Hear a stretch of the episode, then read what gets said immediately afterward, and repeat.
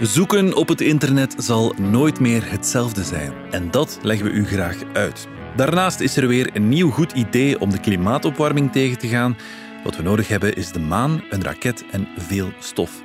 Voort hebben we het over de comeback van Facebook en de mogelijke comeback van de dodo. Het is 10 februari en van de Standaard is dit Bits en Atomen met wetenschapsjournalist Pieter van Doren, technologiespecialist Dominique Dekmijn en uw gastheer Bart Dobbelaren.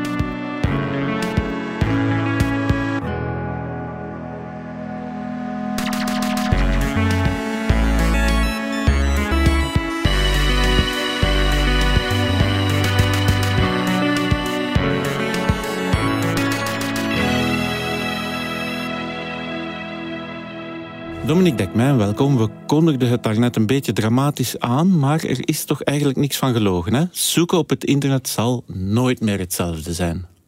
Dat is helemaal zo. Hè? Ja, ik denk dat dat besef was al enkele weken aan het groeien. Uh, we hebben het hier al een paar keer gehad over ChatGPT. En waar gaat het nu niet over ChatGPT tegenwoordig?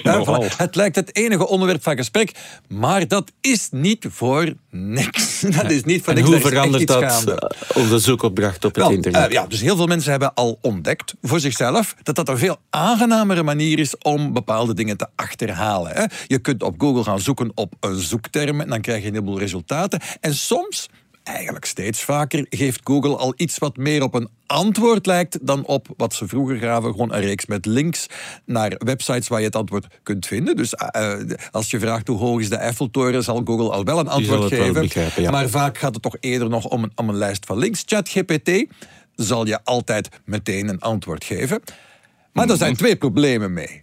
Ten eerste, het antwoord is achterhaald, want uh, de uh, ChatGPT ze is niet aangesloten op het internet. Het werkt met een database die ondertussen uh, een jaar en een half oud is, van ja, informatie dus, van 2021. Het werd dus, eigenlijk gevoed met informatie tot anderhalf jaar geleden ongeveer. Ja. Dus dat wil zeggen, bijvoorbeeld, weet bijvoorbeeld niet wie de, de, de wereldbeker voetbal heeft gewonnen, want die heeft volgens ChatGPT niet plaats, nog niet plaatsgevonden.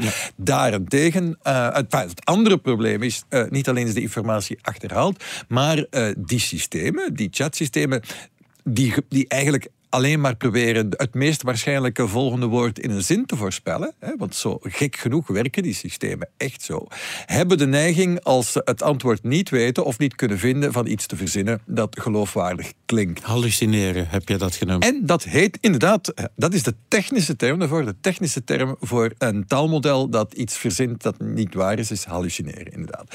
Uh, dus dat zijn twee heel grote problemen. Hoe gaan ze dat dan oplossen?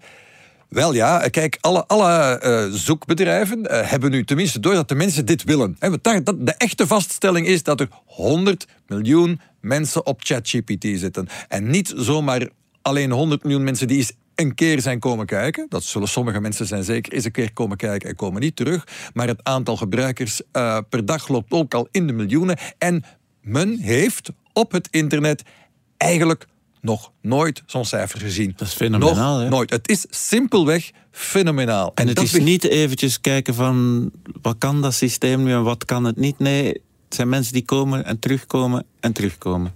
Dat moet nog blijken. Hoe vaak dat ze blijven terugkomen, hè, of dit echt een, een vast gebruikspatroon wordt. Maar in de geschiedenis van het internet, hè, dat, is, dat was een, een, een onderzoekje, heeft iemand gedaan. En het kwam er eigenlijk op neer dat ze zeiden van, ja, als er al eens iets op het internet uh, binnen de twee maanden aan 100 miljoen gebruikers is geraakt, ja, dan kunnen we het ons toch niet goed herinneren. We zouden niet weten wat het zou zijn geweest. Dus eigenlijk, laten we maar zeggen, er is nog nooit iets op het internet zo snel aan 100 miljoen gebruikers geraakt. Niet Instagram, dat heeft er twee jaar over gedaan. Niet TikTok, dat heeft er ook uh, een maand of zeven over gedaan.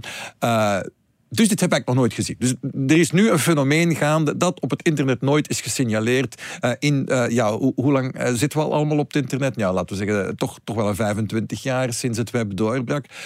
dus er is iets ongehoord aan het gebeuren, dat is zeker zo. En ja, zoeken op het internet is een van de allerbelangrijkste dingen die we doen. En het daarom... je leert, hè? Dat je er een plusje moet tussen zetten en dat je dan weet ja. Dat je zo termen kunt combineren. Maar nu kan je dus gewoon een vraag intikken. Ja, voilà, dat kon je al wel een beetje. Je kreeg wel, uh, voilà, dat ging ook al steeds beter. En Google uh, weet al jaren, uh, zegt ook al meer dan vijf jaar, bij elke gelegenheid, eigenlijk AI, dat is de toekomst. Het, het vervolg is eigenlijk AI. Niet zoeken op, op een soort technische manier zoals dat nu gebeurt. Van we, we kijken op welke woorden voorkomen op welke websites. En dan kijken we welke van die websites naar welk van die websites de meeste links lopen. En dat zal dan de beste link zijn. Uh, dat, dat, is de, de, technische manier waarop Google 25 jaar geleden werkte. Uh, ze weten al dat, dat, dat de richting is dat het met artificiële intelligentie zal moeten. Maar dat het iets als ChatGPT ging worden, ja. Uh, dat wist men bij Google ook wel, maar men dacht dat de tijd daar nog niet rijp voor was. En nu? ging het... Maar nu moeten ze wel, want 100 miljoen mensen, daar kun je niet meer mee argumenteren. Tenminste, bij grote beursgenoteerde technologiebedrijven in Silicon Valley kun je met die cijfers niet argumenteren. Dan is alles laten vallen. En wat men, zo, heeft dat, men dat beschreven, bij Google was het code red code rood. Ja, uh, alles laten vallen en alles dat laten moeten vallen. we doen. Dat moeten we nu oplossen. Daar zijn ze mee bezig en ze hebben nu eigenlijk uh, aangekondigd deze week dat ze dat ook gaan doen. Ze hebben een eigen ChatGPT en die gaat de, de codenaam. Die heeft een mooie naam, hè? Bard, ja, Bart. Ja. dus, uh, zoals de, zoals de. Zoals mij, uh, Mijn de, naam. De, de, mu de muzikant. Ja, met een uh, D. Ja, Bart met een D, hè? Ja, ja, ja, ja. ja. Um, en ja, dus het, het, het codenaam dat we uh, een week geleden hadden gehoord dat er iets was dat Apprentice Bard, leerling Bart zou heten, maar het schijnt dus nu Bart te zijn. En wat BART is, blijkt uh, heel simpelweg te zijn. Dat is dat lambda-model, waar we ondertussen toch al meer dan een jaar over praten. Maar dat eigenlijk al, al dat je mij toch nog eens moet zeggen, het lambda-model? Lambda van Google is ter sprake gekomen vorig jaar. In welke context? Toen iemand van Google zei: Ik heb heel de tijd met Lambda zitten werken. Precies om al die problemen met het hallucineren en het zeggen van racistische te dingen voorkomen. op te lossen. Ja, ja, ja, en ik ben tot de conclusie gekomen, zei die man toen, dat Lambda zelfbewust is geworden. Het heeft zelfbewustzijn ontwikkeld. Het is een levend wezen geworden. We herinneren het ons weer, Pieter. En Google, ja, heeft daarop, uh, Google heeft daarop gereageerd door de man in kwestie op staande voet te ontslaan. uh, en te zeggen van, dat is helemaal niet waar. Ja, en toen is het dus heel stil geworden rond Lambda. En was uh, Google duidelijk heel druk bezig om daar proberen dat op een of andere manier presentabel te krijgen voor het publiek, maar op een manier dat Google geen gevaar liep, hè, dat er geen foute resultaten zouden uitkomen. en maar ja, nu is het code red. Nu moet er gewoon snel iets komen. En dus hebben ze aangekondigd, ja, BART komt. Dat is eigenlijk dat lambda-systeem. Je gaat er binnenkort aan kunnen, binnen enkele weken. Uh, maar nu nog niet vandaag. Ze hebben het aangekondigd, maar je kan het zelf nog niet uh, Dus testen, het is ja. uh, opengesteld voor een beperkte groep mensen buiten Google. Voor het eerst, naar het schijnt. Maar nog niet voor ons. Dus het wordt ja. nog een paar weken, nog een paar weken wachten. En daarnaast heeft Google dus gezegd, enerzijds komt er dus die, die pratende BART eigenlijk, met wie je kunt praten over informatie op het internet. Uh, en die dan uh, informatie eigenlijk zo ja, zowat samenvat en recapituleert en het probeert begrijpelijk te maken. Dus, en je kunt er dan verdere vragen over doorvragen. Dus precies wat ChatGPT doet, maar dan wel met live informatie van het internet is het idee. Dat is een Daar, hele stap verder toch? Ja. Dan kan je wel vragen. Ja, absoluut. Wie ja, stap verder. heeft het wereldkampioenschap veldrijden gewonnen? Voilà. Ja. En vooral, vooral we veronderstellen dat als Google er zijn naam opzet, dat het geen foute antwoorden zal verzinnen. dat zou beter zijn, ja. En dus de vraag is, voilà, kan Google een zoekmachine maken op basis van zijn uh, door de mensen nog niet bekeken, maar naar het schijnt ook heel sterke lambda-technologie? Of kan iemand anders, en dan kijkt iedereen meteen richting Microsoft, hetzelfde doen met ChatGPT. Uh, want uh, het is bekend dat uh, Microsoft en OpenAI, het bedrijf achter ChatGPT, een heel nauwe relatie hebben. Microsoft heeft al heel snel gezegd van, ah ja, maar om die uh, modellen van jullie, zoals GPT-3 en ChatGPT, vlotjes te, trainen en dan te draaien, gaan jullie heel veel rekenkracht nodig hebben. We hebben wel wat op onze servers. Kom bij ons en je krijgt er nog eens een pak geld bovenop. Uh, en dat hebben ze gedaan. En, en zo is Microsoft nu een, van, van een bedrijf waarvan veel mensen dachten van, oh, dat is nu eens een technologiebedrijf dat helemaal gepasseerd is. Hè, een, een, bedrijf van het verleden. Hè, van, weet je nog van Windows in de tijd, in de jaren tagtig.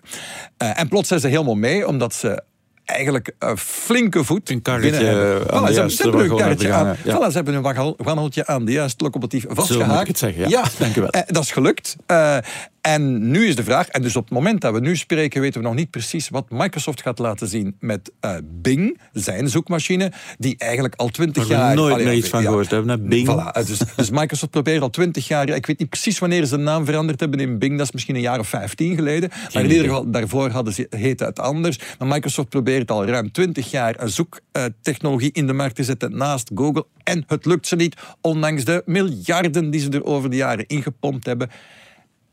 En nu plots voelt iedereen, Google is te pakken. het, het, het, zou wel eens keer kunnen gebeuren. Dus iedereen kijkt nu naar, naar, naar wat kan eh, Microsoft doen met Bing en ChatGPT, de echte ChatGPT. En is dat dan beter, sneller, uh, correcter dan wat Google kan doen met zijn Lambda? En dan de grote vraag natuurlijk, want ja, opeens lijkt alles mogelijk. Is er nog ergens een derde hond? En er zijn, ja, er zijn verschillende kandidaten derde honden die opeens uh, uh, ronddartelen. en dat maakt het extra spannend, hè? want je moet rekenen dat dit een belangrijk stuk van het internet is waar al twintig jaar niks verandert.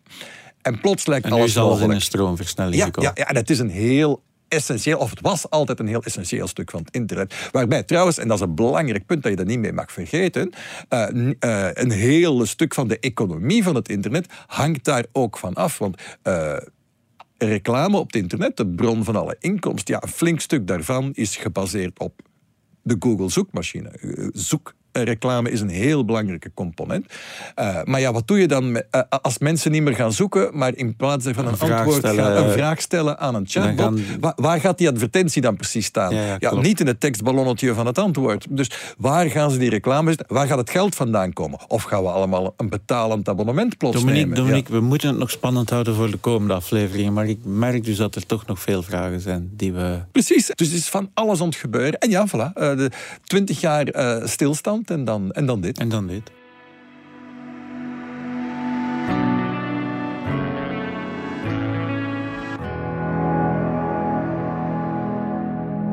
Pieter, jij volgt ons voor één keer van op afstand, want je had een hoesje en je wil ons vooral niet besmetten, hè? Voilà. Ik onthoud toch ook dat uh, Microsoft weer helemaal terug is. En dat is dan onze naadloze overgang naar het verhaal dat jij wil vertellen, Pieter.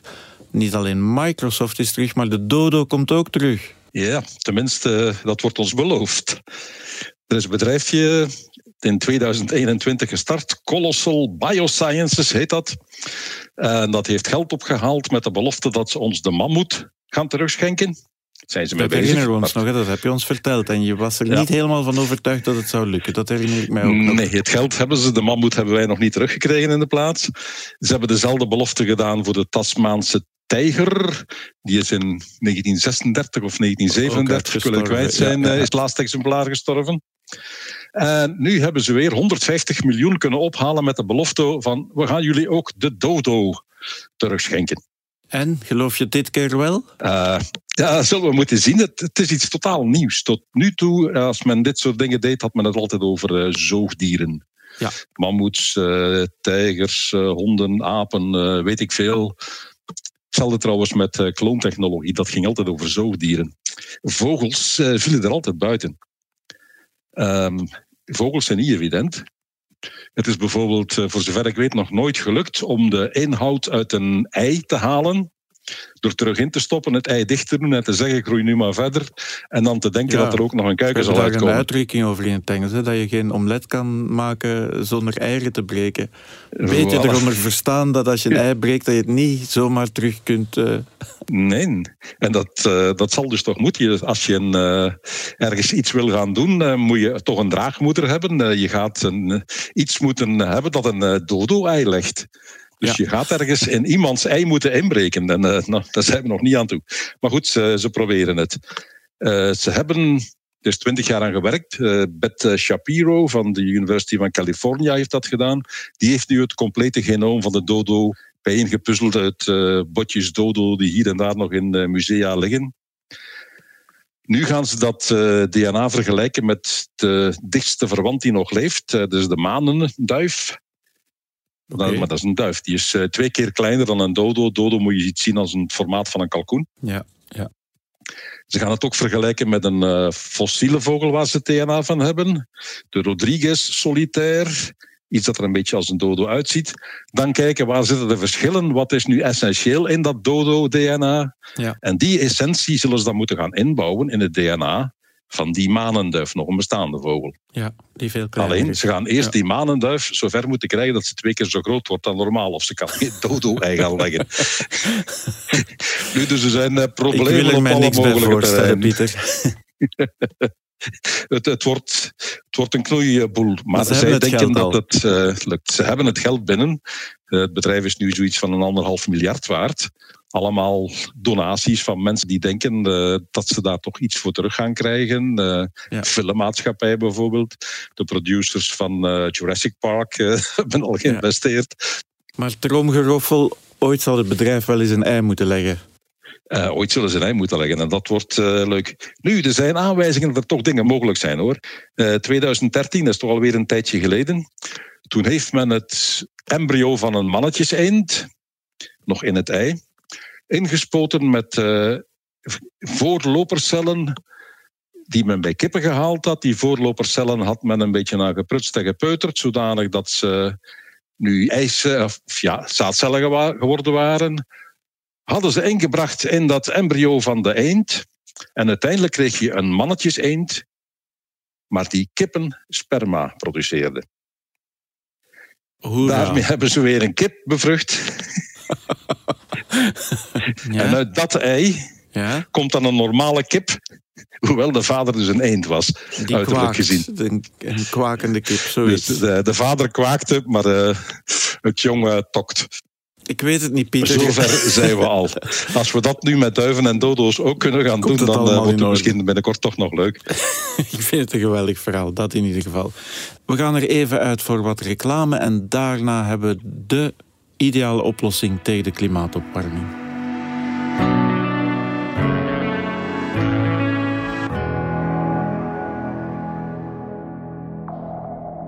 Ik ben Kaya Verbeke en elke zondagavond zit ik klaar met mijn smartphone in de aanslag om naar de serie 1985 te kijken. Die gaat over de lode jaren 80 en de bende van Nijvel.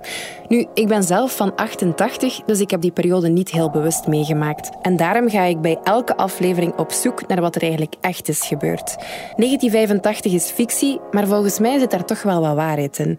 Ik vraag het aan misdaadjournalist Mark Eekhout en mediaredacteur Valerie Droeven. Zaterdag in Radar. Je gaat toch luisteren, hè?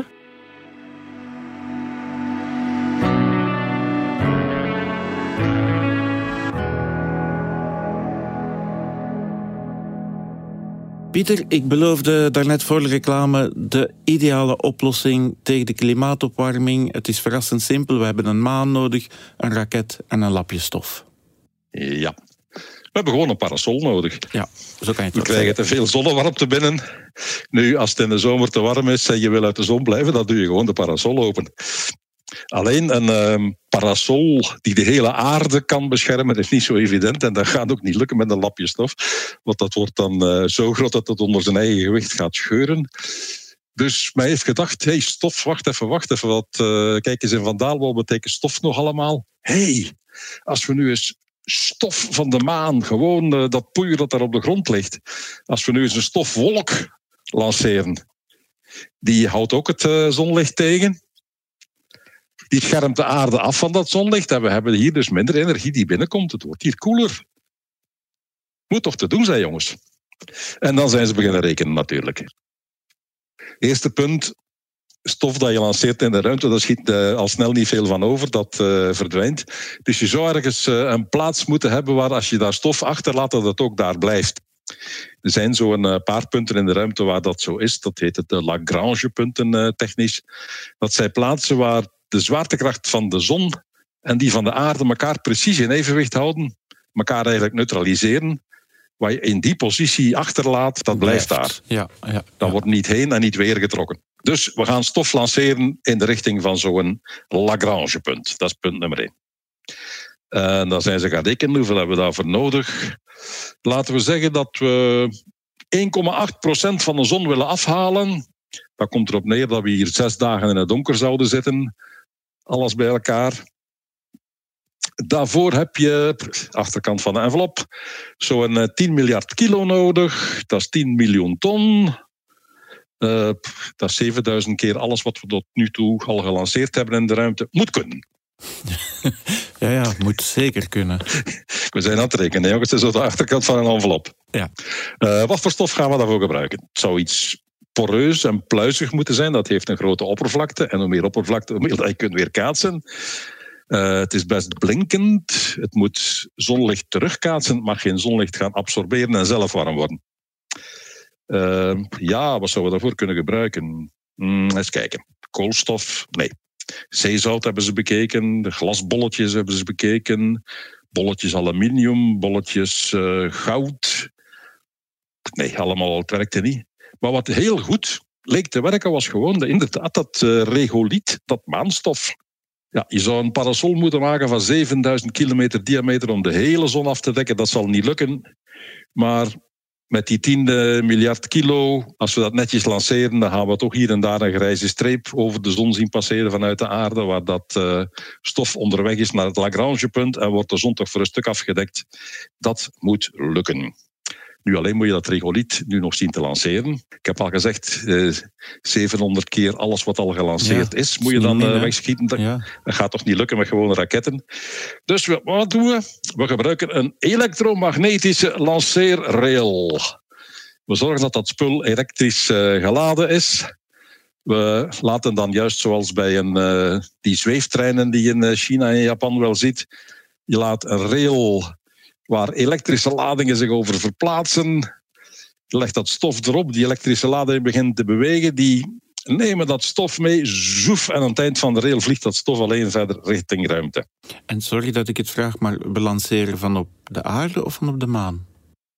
Ehm, dat was de volgende vraag die ze gesteld hebben. Het antwoord is, eh, van op de maan is toch een stuk gemakkelijker. Van op de ook, ja. aarde moet je een hele zwaartekrachtput uitkruipen om eh, van de zwaartekracht van de aarde los te geraken. Ja, Als je ja. op de maan begint, die put is eh, zes keer minder diep. De aantrekkingskracht van de maan is een heel stuk kleiner, dus je moet dat stof niet zo'n hoge snelheden geven om van de maan weg te raken.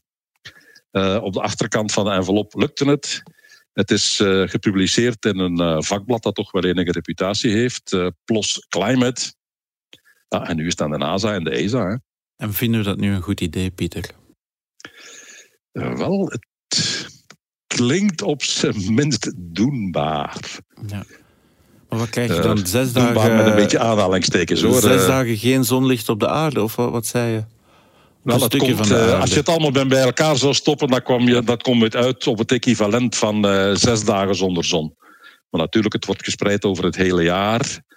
Ehm, je krijgt elke dag zon, maar een klein beetje minder. Ah, er gaat die 1,8% manier, ja, kijk, minder zonlicht op aarde belanden in totaal. Ja, het Dan is als niet het zo anders dat zou we hier zes, zijn. zes dagen plotseling... Nee, eh, nee, nee. Het is, niet. Er, er is nergens een knop waar je kunt op duwen om de zon uit te doen. Eh, zo werkt dit niet. Het is, ja, het is, het is een, eh, een beetje stofspuiten. Hè? Een beetje, ja, het zonlicht een beetje verdunnen. Ik heb een beetje mijn het twijfels. Jij, Dominique? In het algemeen eh, eh, zijn mensen in de milieubeweging ja, ja, heb- hebben er een grote schrik voor om te denken van we gaan het met technologie proberen op te lossen. Absoluut. Eh, dat, is een beetje, dat wordt een beetje als vals spelen beschouwd. En natuurlijk, als je echt gaat, eh, gaat knoeien, knoeien met het klimaat, dan weet, eh, als het dan verkeerd afloopt. Goh, Dan mag Pieter het nog eens komen uitleggen. ja, ja, ja, ja. Ja, het is knoeien op hele grote schaal. Dat is Ja, inderdaad ja, een risico met dit soort oplossingen. Hè? Ja. Je werkt op planetaire schaal in één keer.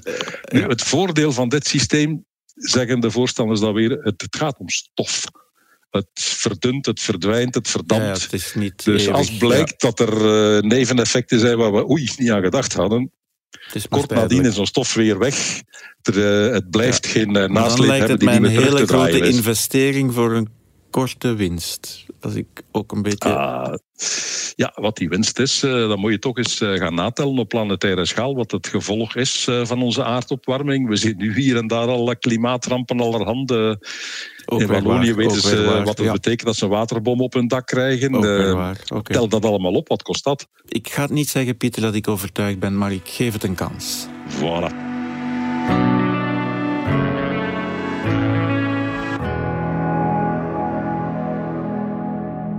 Net zoals Dominique we Facebook ook een nieuwe kans moeten geven.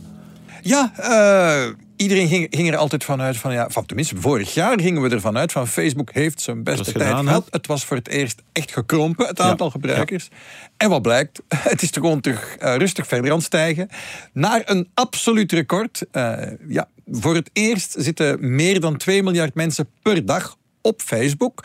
En dat is, ja, uh, dat weten we, een kwart van de wereldbevolking. En ja, dat had niemand nog uh, van die oude knaar van een Facebook verwacht. Hè? Weten we waaraan Facebook die nieuwe groei dankt? Uh, ja, tenminste, uh, we gaan er dan vanuit. Ja, ja. Ten, ten, eerste, het was niet zo. Uh, wat men dan een beetje te gemakkelijk dacht van... oh, het is helemaal gedaan met Facebook. Mensen zitten... Men vertelt dat graag. Hè? Dus ik, ik weet dat... de, wat, het, Facebook is zo'n bedrijf waarover men heel graag schreef van... oh, maar het is niet meer hip. mensen hebben dat, dat... Dat was iets dat men heel graag schreef. Ik herinner me dat we rond 2011, 2012... zijn er een hele reeks artikels geweest over jonge mensen vinden Facebook niet goed meer. Dus dat gaat snel voorbij zijn. Dat Facebook-fenomeen, ja, de jonge mensen zitten alweer op iets anders. En ondertussen zijn de jonge mensen al op een aantal andere dingen geweest, zoals Instagram en Snapchat. Maar wat blijkt, eh, de wat oudere mensen blijven allemaal op Facebook. En op een of andere manier komen er toch weer mensen bij. En ja, dat moet iets te maken hebben met een aantal, of waarschijnlijk met een aantal veranderingen bij Facebook. En de, die belangrijke, waar iedereen al uh, een paar jaar over moppert, is dat Facebook uh, TikTok achterna loopt en probeert de ideeën ja, van TikTok te pikken. Ja. Uh, dat, dat zijn twee, twee verschillende ideeën eigenlijk die je een beetje van elkaar moet scheiden. Ten eerste die filmpjes, waarbij de camera of tenminste de smartphone omgekeerd wordt gehouden. Wat wij nog altijd van onze generatie maar omgekeerd vinden. Dus die verticale video, moeten we zeggen. En aan de andere kant het feit dat wat je ziet in de app, in TikTok, eh, wordt eigenlijk vooral bepaald door een algoritme en niet door wie je specifiek uh, zelf volgt. Dus je, je maakt niet zelf een mix van inhoud. Uh, de app maakt dat voor jou op basis van wat het denkt te raden over wat je, wat je tof vindt. Meta, het bedrijf achter Facebook, heeft gezegd van we gaan die twee ideeën pikken. Want goed gepikt is beter dan slecht uitgevonden. We gaan die twee ideeën pikken. En ze hebben dus nu van die rechtopstaande video's, die reels. En een hele tijd zag dat er heel slecht uit. Maar ik viel in mijn eigen uh, Facebook, viel mij op dat ik nu... Uh, consequent, als ik in Facebook zit, video's krijg over dingen die mij eigenlijk wel zouden kunnen interesseren. Dat wil niet zeggen dat ik ze allemaal ga bekijken. Maar Facebook heeft begrepen, uh, ja, die man is met muziek bezig. En ik krijg nu het ene videootje na het andere, waarin ja, ja, ieder, iemand ja. een gitaarriff, of een ja, die gitaarriffs interesseren me niet, want ik, heb, ik speel geen gitaar, maar ik speel basgitaar. Maar basriffs, en dat zal uh, Pieter ook uh, interesseren. Ook een bassist. ja, precies. Dus, dus ik krijg nu de ene na de andere video met waarin dat dus een stukje muziek wordt uitgelegd van hoe speel je dat dan precies op die bas of die gitaar. En toevallig interesseert me dat. En nu viel me op dat in TikTok, uh, daar heb ik ook al wat uren gespendeerd om die Nieuwe app te begrijpen, waar men zogezegd een, zo, dat zo'n bril, zo briljant uh, algoritme zou hebben. Maar aan mijn interesses, daar raakt TikTok niet aan uit. Dus TikTok toont ah, okay. mij nog altijd uh, constant video's van mensen die een steak bakken. Of, dat kan ook een vissteak zijn, maar dus het, het, het, vooral biefstukken.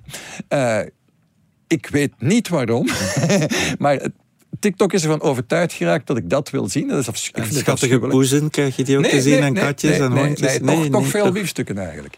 uh, maar, uh, en dus, uh, dus het Facebook-algoritme toont me eigenlijk slimmere video's ja, dan TikTok. Dan. Dat okay. kan iets dus te maken, maken dat kan generationeel zijn. Want ik ben een, Facebook, ja. ja. Dus ze hebben dat anders... In, ja, voilà. Dus um, ze hebben op in ieder geval een algoritme dat jouw video's serveert dat niet hetzelfde is als dat van TikTok, maar dat bij sommige mensen... Beter aansluit. beter aansluit. Misschien misschien wel de typische Facebook-gebruiker die uh, uh, niet één, maar waarschijnlijk twee of drie keer ouder is dan een gemiddelde TikTok-gebruiker. Maar ja, die mensen gebruiken ook het internet. En ja, voilà. en juist dat algoritme, ja, dat speelt niet alleen bij die video's, maar ook de rest wat je op Facebook ziet. Hè. Dus vroeger was het zo, ik zie wat mijn vrienden hebben gepost. En op een bepaald moment heeft Zuckerberg gezegd, uh, Mark Zuckerberg, de, de, oprichter en baas van Meta, heeft gezegd van we gaan daar toch een beetje van afwijken. We gaan je ook dingen tonen waarvan we denken dat je ze fijn gaat vinden. Ook dat was gewoon een idee gepikt van TikTok. Ja, ja, ja. Maar ook dat schijnt te werken. En da daar toont uh, Facebook mij dus inderdaad uh, heel de tijd uh, anekdotes over oude muzikanten uit de 60s en 70s en hoe die elkaar zijn tegengekomen. We leren jou beter en beter kennen, Dominique. Ja, ja, kijk, van, je vertelt te veel, denk ik. wellicht dat. Maar enfin, bon, ik, krijg dus, ik krijg dus op Facebook nog maar heel weinig uh, dingen te zien van mijn familieleden en vrienden. Eigenlijk relatief veel video's waarin gitaarriffs worden uitgelegd. En dan die berichtjes van mensen die ik niet volg, die van alles posten over... Dingen dat je toch denkt van, goh, dat wil ik wel even zien, want dat is toch wel... Wel, ik, heb, voilà, ik, ik begin ze dan toch te lezen en dan zeg ik van, ja, ja, ja, ja, dat algoritme heeft, heeft mij vast. En dus ja, die dingen beginnen gek genoeg te werken. En dan blijkt, ja... En dan doet Facebook het ineens goed, terwijl we dachten... Ja. Dat het einde inzicht was, overdrijf. Ja. Mooi. Voilà. Het is de, de uitzending van de comebacks. Hè. We hebben de Dodo, we hebben Microsoft en nu ook nog Facebook. Rest ons alleen, Pieter, om nog eens naar boven te kijken. Hè? De ster van de, de week. ster van de week. De ster van de week. Good stage one ignition. To explore no man has gone before.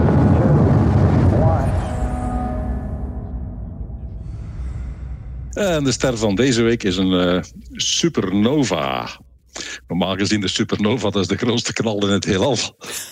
maar dit is een stille supernova. Dat is nog nooit vertoond. Het gaat over de ster CPD 29 21 76, voor wie haar telefoonnummer wil. Uh, het is een supernova. Leg nog eens in één zin uit. Een supernova is een...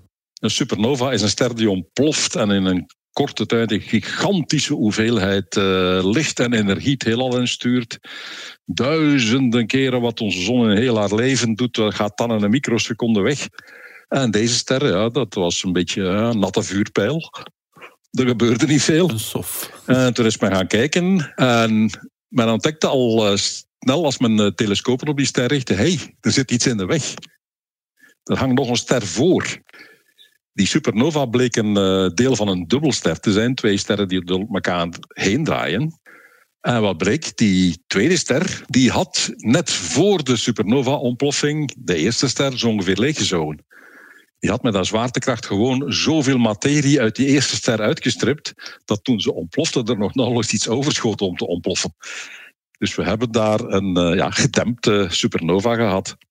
En dat is totaal nieuw. Uh, de astronomen zijn nu uh, zeer tevreden, uh, weer een probleem bij. Hoe gaan we dat nu weer aan elkaar uitleggen? weer spul om te bestuderen. En ja, toch weer een nieuw fenomeen. De stille supernova. Voilà, en wij hebben het hier voor het eerst gehoord in Bits en Atomen. Pieter van Doorn en Dominique Ekman, allebei weer heel hard bedankt. Met plezier. Voilà.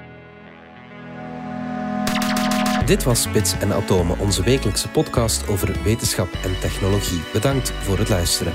Volg onze podcast op Spotify, Apple Podcast, in de app DS Podcast of op eender welk ander podcastplatform. Alle credits van de podcast die je net hoorde vind je op standaard.be-podcast. Reageren kan via podcast.standaard.be. Volgende week zijn we opnieuw.